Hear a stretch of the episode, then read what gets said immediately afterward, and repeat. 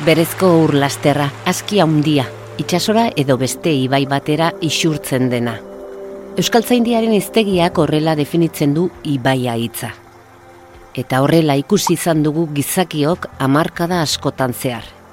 Ura daraman ibilgu huts bat bezala, eta handi batean baliabide bat besterik ez. Gehiagitan, Izan behar du argia alde batetik ze garrantzia daukan. Ba, ez bakarri baliabide gisa baizik eta gure ba, paisajen bertan gure ondare gisa eta baita ere gure osasun emozionala mantentzeko. Hori alde batetik eta horrekin lotuta ze biodiversitatea gordetzen dute, ze biodiversitatea bermatu behar dugun eta hortaz aparte nola kudeatu behar den. Horrela mintzo dena Julia Ibarra dugu. Biologoa, bera, eta hezkuntza zientziatan doktorea. Etorkizuneko maisu maistren eta irakasleen irakaslea.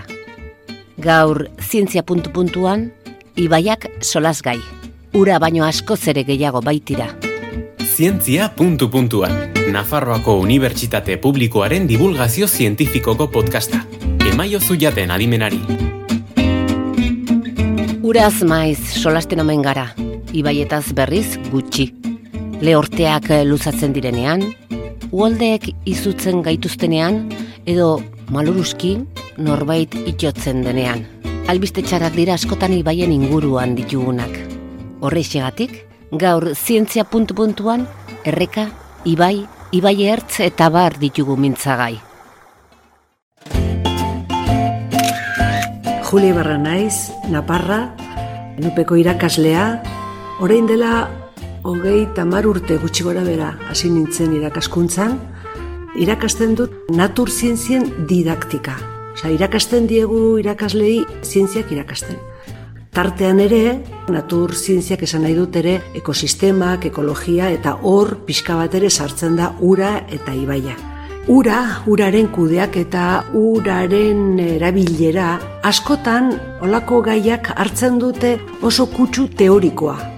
Oso deskonektatua dago gure realitatetik. Ibaien errealitatea ezagutu dezagun bada. Amar lezio txiki Julia Ibarra doktorearen eskutik. Lehenengoa, errepasoa. Uoldeak berezkoa ditu ibaiak. Urteroko ohitura bihurtu dakasik, ibaiek gainezka egin eta kalte handan uzten dute inguruko etxe, garaje, errepide edo baratzetan. Zintzialariei etzaie harritzekoa iruditzen, aztu egin zitzaigun urgoraldiak berezkoak dituela ibaiak.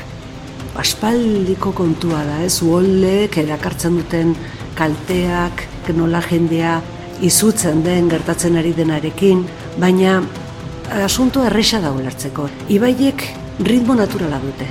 Ritmo horretan sartzen da ur gainezka egiten dutela. Ia urtero. Eta zenbait eta hundiagoak ba, urte gehiago hartzen dugunean. Esan nahi dugu, urgainezka handia daude urtero, baina handiagoak bost urtean behin, berrogei urtean behin, eta horrelaxe segitu gaitezke. Orain arte oso dinamika handi izan da eskatzeko hori gertatzen denean ia garbitu daitezen ibaiak, dragatu daitezen eta abarreko obrak. Baina gaur egun nik pensatzen dute, edo espero du behintzat, ba, beste ikuspuntu bat zabaltzen ari dela eta hause da. Ba, ibaien espazioa errespetatu behar da. Horrek esan nahi dut, ba, uolde, behintzat uolde arruntetan edo ohiko uoldetan ibaiak okupatzen duen aldea libre egon behar da. Libre esan nahi dut, ba, eraikinak edo etxe bizitzak ez direla izan behar. Hori da, egin daiteken gauza xumena, erresena, kalteak ekiditzeko. Bigarren lekzioa, bakoitzak berea. Leku gehiago behar dute ibaiek, errekei beraiena dena itzuli behartzaie. Uf, zaila kontua. Mila bederatzeun eta berrogeita marreko amarkadan bizkortu zen ibai ertzen okupazioa, eta ordutik gero eta uolde esparru gehiago geure ganatu ditugu. Ibai ertzean gehiago ez eraikitzea da lehen urratsa, bai, baina zer egin dagoeneko eraiki den guneetan? zenbait tokitan eraikuntza zaharrak, adibidez, fabrikak edo tailerrak zaharrak badira, kendu daitezke pixkanaka, ez? Beste tokitan, beste neurri batzuk hartu behar dira. Tokiz-toki erabaki behar da, edo aseguruekin jokatu, edo beste estrategia batzuk, oso zailak direnak. Baina oroak, e, erremedio erresa da, ez? Espazioa irekia utzi baiari. Hiru, kurpak politak dira. Ezin ederragoak. Oraindik orain ordea sarri entzuten dira bestelakoak. Hormen bidez ibaien ibilgua bideratzea, kanalizatzea, dragatzea.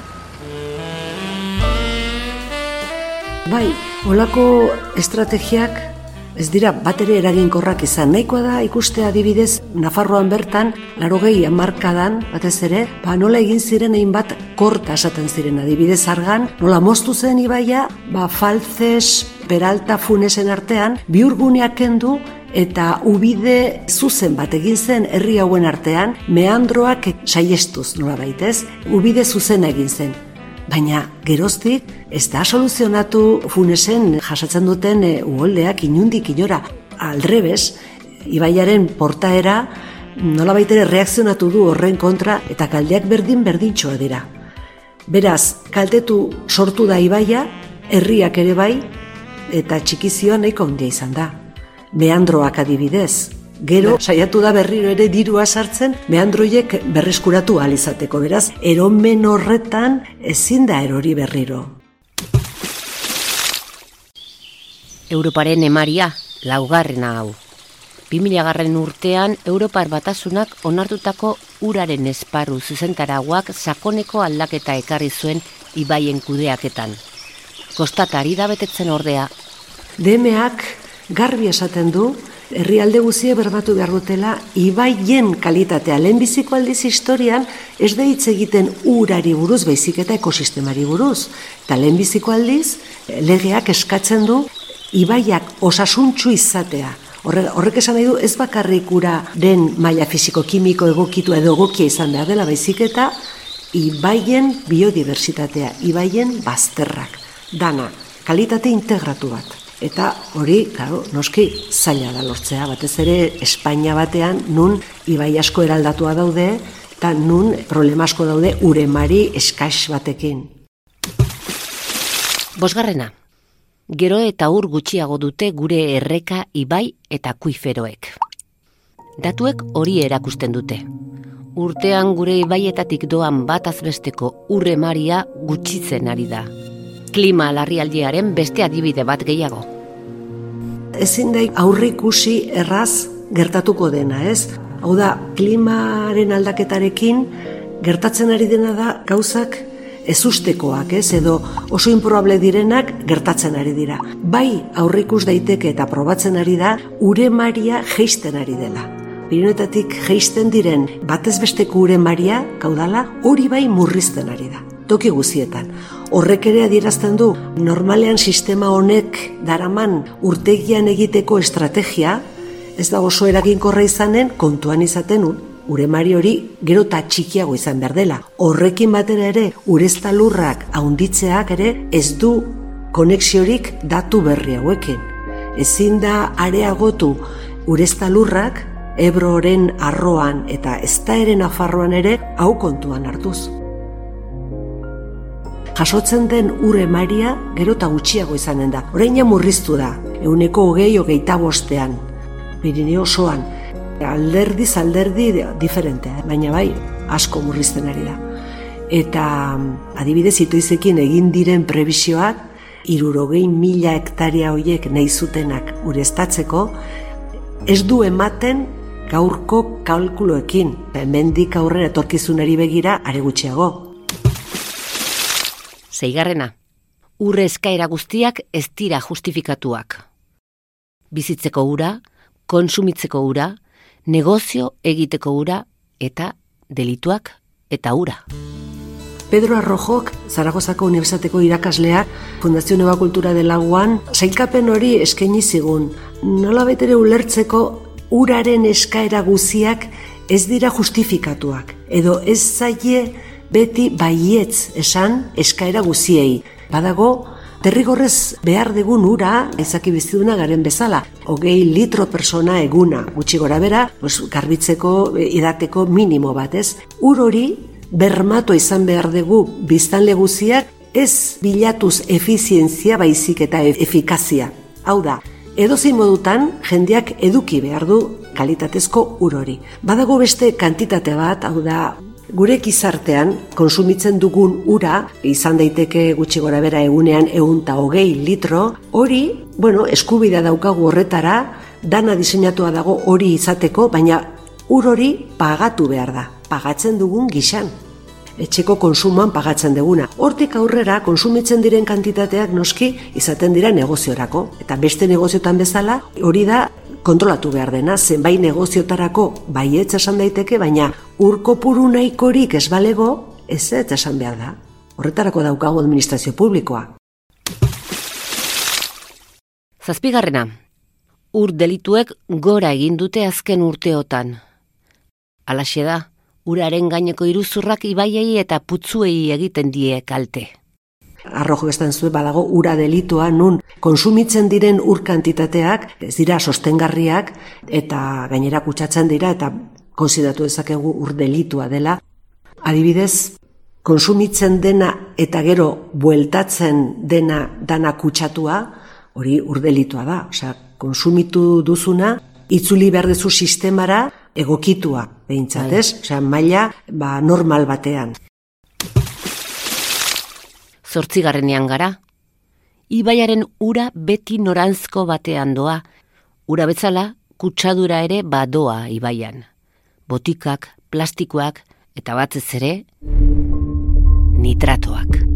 Nafarroan problema batez ere dago gaur egun nitratoekin, kalitate fisiko kimikoa oraindik ere zenbait puntutan ez bakarrik ez dela betetzen baizik eta kasi ondatzen ari da. Zenbait puntu txarrak azaltzen dira, Kidakos, Robo, Aragon ta Ebro tartean Ebron ere bai eta kutsadura hori garbi dago lotuta dagoela ureztalurra berriekin, hau da, itoiz kanalde nabarrekin egindakoak, berriak, eta segurasko beste abeltzantza industrialekin eta barrekin. Beraz, Union Europeak esigitzen dio Espainiari tratuen maila jitsi behar dela, eta borroka horretan ernegon behar da. Eta bederatzi garrenera ailegatu gara. Dena memoria kontua da ibaiak bere baitan gordetzen duen memoria berreskuratu beharra dago. Dudi gabe, herri askotan hemen afarroan bertan kontatzen dizutenean hemen bainatzen ginen edo hemen egiten genuen arrantza hori guziak berreskuratu behar dugu. Problema da hori, ez badugu berreskuratzen jendeak ez du memorian izanen zein polita, zein ederra zen, ez? Eta hori da lehenbiziko pausua danagaltzeko. Azkeniko ikasgaia, amargarrena, lapikoen artean entzungo dugu. Menuan mota guztietako jakintzak, egiazko jakiteak, puntu puntuan beti ere.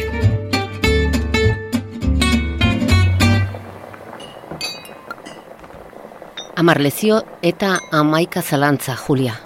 Hemen sukaldean zerbait prestatzen dugun bitartean ja zalantza horiek argitzen dizkidazun urari gabe ez dago bizitzarik. Berritan entzun dugun esaldia.